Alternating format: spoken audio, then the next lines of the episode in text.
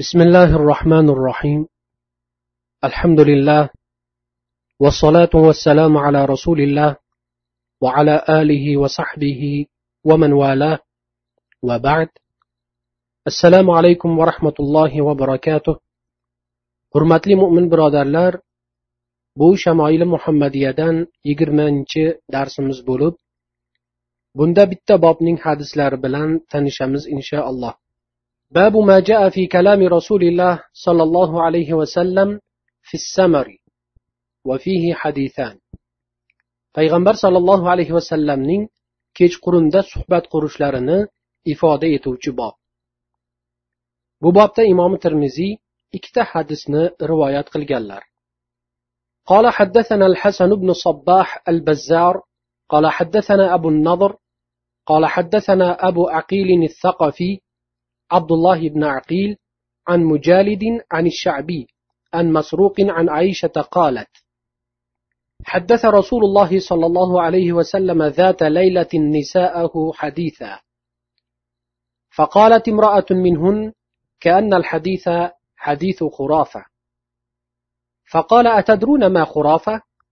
إن خرافة كان رجلا من عذرة أسرته الجن في الجاهلية. فمكث فيهم دهرا ثم ردوه إلى الإنس فكان يحدث الناس بما رأى فيهم من الأعاجيب فقال الناس حديث خرافة oysha roziyallohu anhodan rivoyat qilinadi aytadilarki bir kecha rasululloh sollallohu alayhi vasallam xotinlariga bir hadis aytdilar ulardan biri bu xurofotga o'xshab ketdi dedi Payg'ambar sollallohu alayhi vasallam xurofot o'zi nima ekanligini bilasizlarmi? dedilar. So'ng aytdilarki johiliya davrida bani uzra qabilasidan xurofa ismli kishini jinlar asr qilib o'zlari bilan birga olib ketishadi. U ularning ichida uzoq muddat qolib ketadi. Keyin ular uni o'z diyoriga insonlarning oldilariga qaytarib tashlab ketadilar. u odamlarga jinlardan ko'rgan qiziqarli narsalarni hikoya qilib berardi keyinchalik odamlar qanday qiziq voqeani shohidi bo'lsalar bu xurofaning hadisi deyishadigan bo'lib qoldilar حديث أم زر أم زر حديثا قال حدثنا علي بن حجر قال حدثنا عيسى بن يونس عن هشام بن عروة عن أخيه عبد الله بن عروة عن عروة عن عائشة قالت جلست إحدى عشر امرأة فتعاهدن وتعاقدن ألا يكتمن من أخبار أزواجهن شيئا. فقالت قالت الأولى زوجي لحم جمل غث على رأس جبل وعر.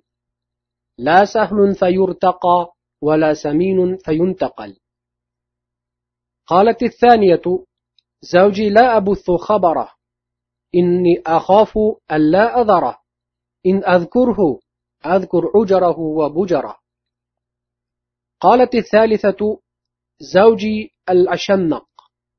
إن أنطق أطلق وإن أسكت أعلق.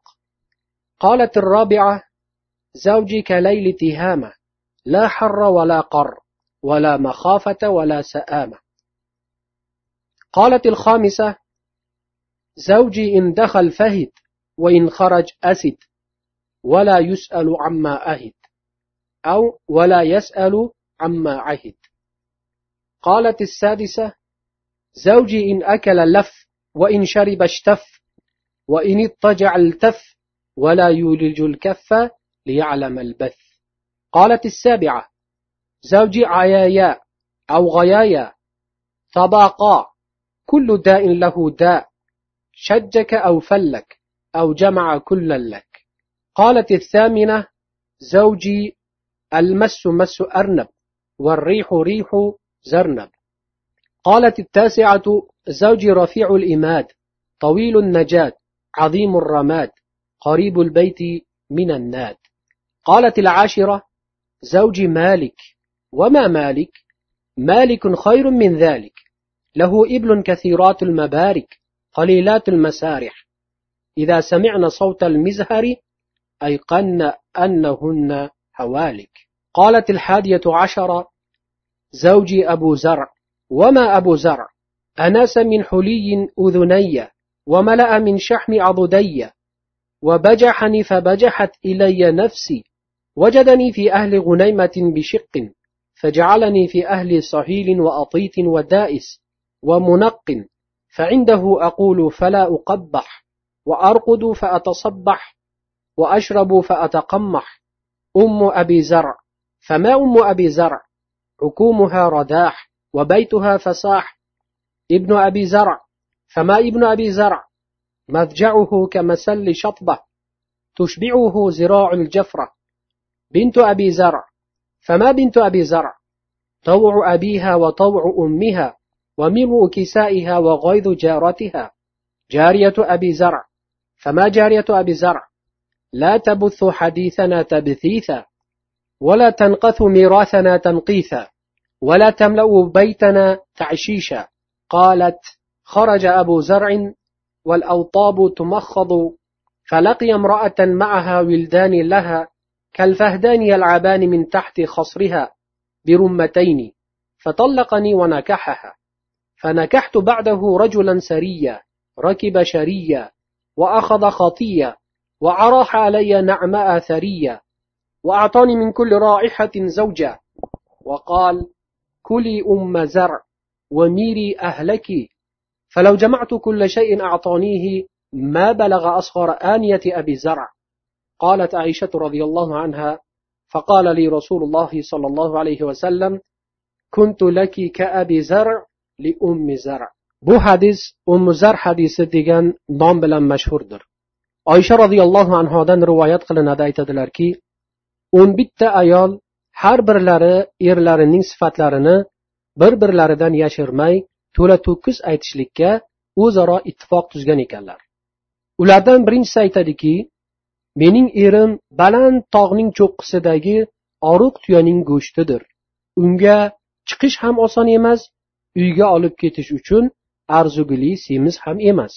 Bu ayol erini qo'yning go'shtiga emas balki ishdan chiqqan qarib ketgan oriq tuyaning go'shtiga o'xshatib va buni ustiga tuya baland tog'ning cho'qqisidadir deya uning go'shti chandir ekanligini yeb hazm qilib olish ham mushkulligini eslatib u yerda hech bir yaxshilik yo'qligini bayon qildi.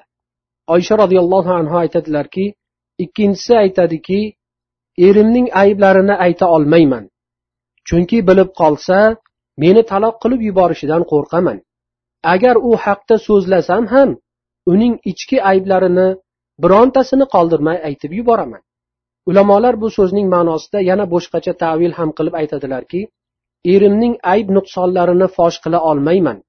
Chunki ayblari shunaqa ko'pki agar hikoya qilishga kirishsam uning ko'pligidan oxiriga yetkaza olmayman. Gapirsam ham sir asrorlarini ochib tashlayman. Uchinchisi aytadiki erim novcha beaql. Agar gapirsam taloq qilinaman agar gapirmasam muallaq bo'laman. Ya'ni erida bo'ydorlikdan boshqa gapirishga arzugili yaxshi sifati yo'q ekan. Agar uning ayblarini fosh qilsa taloq qilib yuboradigan agar sukut qilib yuraversa u erning hech narsada erligi ko'rinmas. Ayoli na eri bordek na taloq qilingandek muallaq bo'lib qolar ekan. To'rtinchisi aytadiki mening erim tihoma iqlimining kechquruniga o'xshaydi. Na unda issiqlik bor va na unda sovuqlik bor. Undan hech qo'rquv qilinmas va na undan malollanmaysan kishi. Ya'ni bu ayol erini o'rtacha iqlimga o'xshatib uni go'zal axloqli beozor undan xavf xatar aslo sodir bo'lmasdir deya maqtamoqda. Beshinchisi aytadiki erim agar uyga kirsa qoplondir agar uydan chiqsa sherdir. Uyda bo'lar bo'lmas narsalar uchun janjal qilmaydi. Ya'ni uning eri uyga kelganda qoplondek oilasini sog'inib kiradi. Agar uydan chiqsa sherdek oliyjanob bo'lib chiqadi. Ulamolar bu hadisning tavilida yana boshqa sharh qilib aytishadilarki uning eri uyga kelganda qoplondek beg'am bo'lib qattiq uyquga botadida uydagi narsalari haqida bosh qotirmay parvoyi palak bo'ladi. Agar uydan erkaklar oldilariga chiqib ular bilan muomalada bo'lsa yoki urushga kirsa sherlardek shajoatli bo'lib ketadi. Oltinchisi aytadiki mening erim agar ovqatlansa tovoqda hech narsa qolmaguncha yeydi. Agar ichsa ham ichimlikni borini shimirib qo'yadi. Agar uxlasa yolg'iz o'ziga joy solib o'ranib oladida ahvolimdan xabar olish uchun ko'rpaga qo'lini ham kirgizmaydi. Ya'ni uning eri yeb to'ymas mesh kabi ichar yolg'iz yotib xotinidan hol ahvol so'ramaydigan bir xudbin inson ekan. Ba'zi sharhlovchilarning aytishlariga qaraganda bu ayolning jasadida nuqsonlik yoki kasallik bo'lgan ekan. Bu xudbin er xotinining holini so'ramay o'likmi tirikmi bundan xabardor bo'lishni ham istamas ekan. Yettinchisi aytadiki erim ayollarga yaqinlik qilishdan ojizdir. Roviy aytadiki yoki bir ahmoq odam so'zga no'noq har balo unda bordir. Agar gapirsang boshingni yorar yoki suyagingni mayib qilar yoki ikkisini ham qoyillatar. Sakkizinchisi aytadiki mening erim quyondek muloyim zafarondek xushbo'ydir. Ya'ni uning eri quyondek muloyim axloqli yoqimli xushfe'l beozor inson bo'lgan ekan. To'qqizinchisi aytadiki erim uyi baland qomati raso mehmoni ko'p. Uyi jamoatchilik ishlarini rejalashtiriladigan markazga ham yaqin. Uning eri mehmondo'st jamoat ishlariga aktiv qatnashuvchan xayr saxovatli inson ekan. Mulla ali qori aytadilarki arablar odatlariga ko'ra saxovatli kishini baland uyga tashbih qilishadi. Agar uy baland bo'lsa musofirlarning ko'ziga tezda ko'rinib ular u xonadonga mehmon bo'lishlari mumkin deydilar. Keyin esa uning uyida tunab qolishlari yoki safar hojatlarini o'tab olishlari ham ehtimoldan xoli emas. Yana uning uyi jamoatchilik ishlarini rejalashtiriladigan uyga yaqin bo'lishi ham uning samimiyligidandir. Chunki tashkilotchilik uyiga yaqin xonadon uchun goh goh ularga yordam berish imkoni tug'ilib qoladi. Demak ulardan yordamini ayamasdan ulardan o'zini uzoq tutmas ekan albatta bu odam muruvvatli insondir. O'ninchisi aytadiki mening erim molikdir. Molik nima deysizmi? Aslo so'ramay qo'yavering. Siz o'ylagandan ham ming chandon a'lodir. Uning juda ko'p tuyalari bor. So'yish uchun tayyordek yotarlar. O'tlash uchun kam ketarlar. Agar surnay tovushini eshitsalar darhol qurbon bo'lishlarini sezarlar. Ya'ni uning eri xayr ehson qilishda eng cho'qqiga chiqqan mehmonlarga tuyalar so'yib katta katta ziyofatlar qilib beradigan kishi ekanki hatto tuyalari ham surnay ovozini eshitishlari bilanoq mehmon kelganini sezadigan bo'lib qolgan ekanlar. O'n birinchisi aytadiki mening erim abu zardir abu zar kim ekanligini bilasizmi? Ikki qulog'imni qimmatbaho baldoq bilan bezatib ikki bilagimni yog' bilan to'ldirdi ya'ni yedirib ichirib yaxshi parvarish qilganidan tanavor bo'lib semirib ketdim deydi. Arablar odatlariga ko'ra semiz to'lishgan ayol ularda suyukli bo'lgan edi. Keyin esa meni o'z holimga qo'yib shuncha erka qildiki kerilib ketib oxir nihoyat o'zimni ham unuta yozdim aslida o'zi men bir bechora tog' etagida qo'y boqar kambag'al oiladan chiqqan edim. Keyin esa meni yilqi mol va tuya podalari bor toza bug'doy unini iste'mol qiladigan badavlat oilaga olib keldi. Uning huzurida xohlaganimcha gapirardim. Birov meni jirkimasdi. Tong otgunga qadar uxlardim. Birov meni uyg'otmasdi. Suv ichardim chanqoq qongun qadar. Abu zarning onasi kim ekanligini bilasizmi? Idish tovoqlari katta katta va alvon alvon taomlar bilan liq to'la. Uyi nihoyatda keng oliyjanob mehribon ayol edi. Abu zarning o'g'lini ta'riflasam u bir novdek xipcha roviy aytadiki yoki qinidan sug'urib olingan qilichdek sarviqomat echki suti bilan to'yadigan betakalluf yigitcha. Abu zarning qizichi qizi ham ota onasiga itoatkor to'lib voyaga yetishgan husni jamoliga kundoshi kuyib o'ladigan go'zal qiz bo'lgan edi. Abu zarning cho'risini aytsam agar u ham shunday axloqli ediki sirimizni fosh qilmas omonatga xiyonat qilishni bilmas uyni ham chinniday pokiza tutar edi. Oxiri nima bo'ldi deysizmi? Bir kuni ittifoqo abu zar ko'chaga chiqdi. Bahor fasli o'zining hayrotlarini to'kib sochib idishlar sutga to'lib toshgan davr edi. To'qqiz yo'lda bir ayolga duch keldi. Ayolning ikki jajjigina bolalari qoplon bolalaridek onalarining ikki biqinida turib uning ikki anorini erkalanib o'ynar edilar. Shunda meni taloq qilib bu ayolni o'z nikohiga oldi qo'ydi. Keyin esa men boshqa bir badavlat uchqur otlarni mingan shon shuhratli dengiz sohillariga xo'jayin bo'lgan kishiga turmushga chiqdim. U meni molu dunyoga ko'mib har narsadan juft juft olib berdida va ey ummizar istaganingcha yeb ich xohlaganingcha oila a'zolaringga sarfla dedi.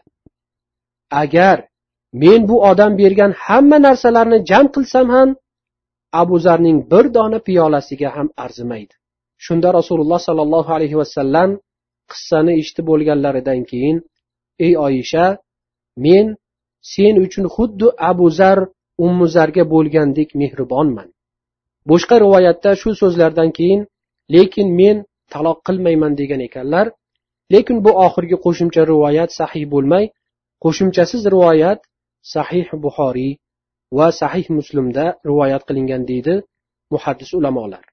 Mulla ali qori aytadilarki kechqurunda xuftandan so'ng suhbatlashishdan qaytarilgan hadislardan maqsad befoyda yoki oxiratga manfaat keltirmaydigan suhbatlarni nazarda tutilgandir.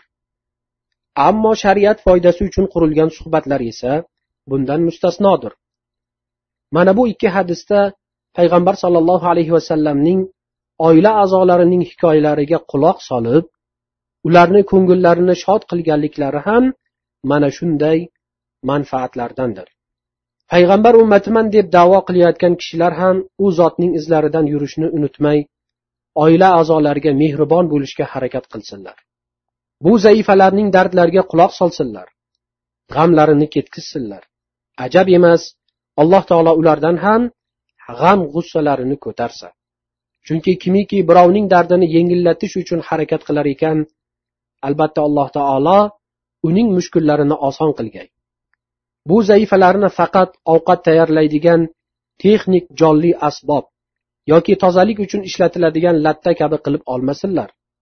Alloh bunday axloqsizlikdan o'zi barchalarimizni asrasin.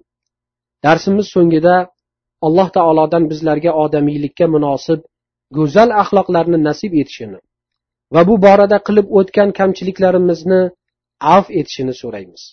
Va sallallohu vasallam ala nabiyina muhammad va ala alihi va sahbihi ajmain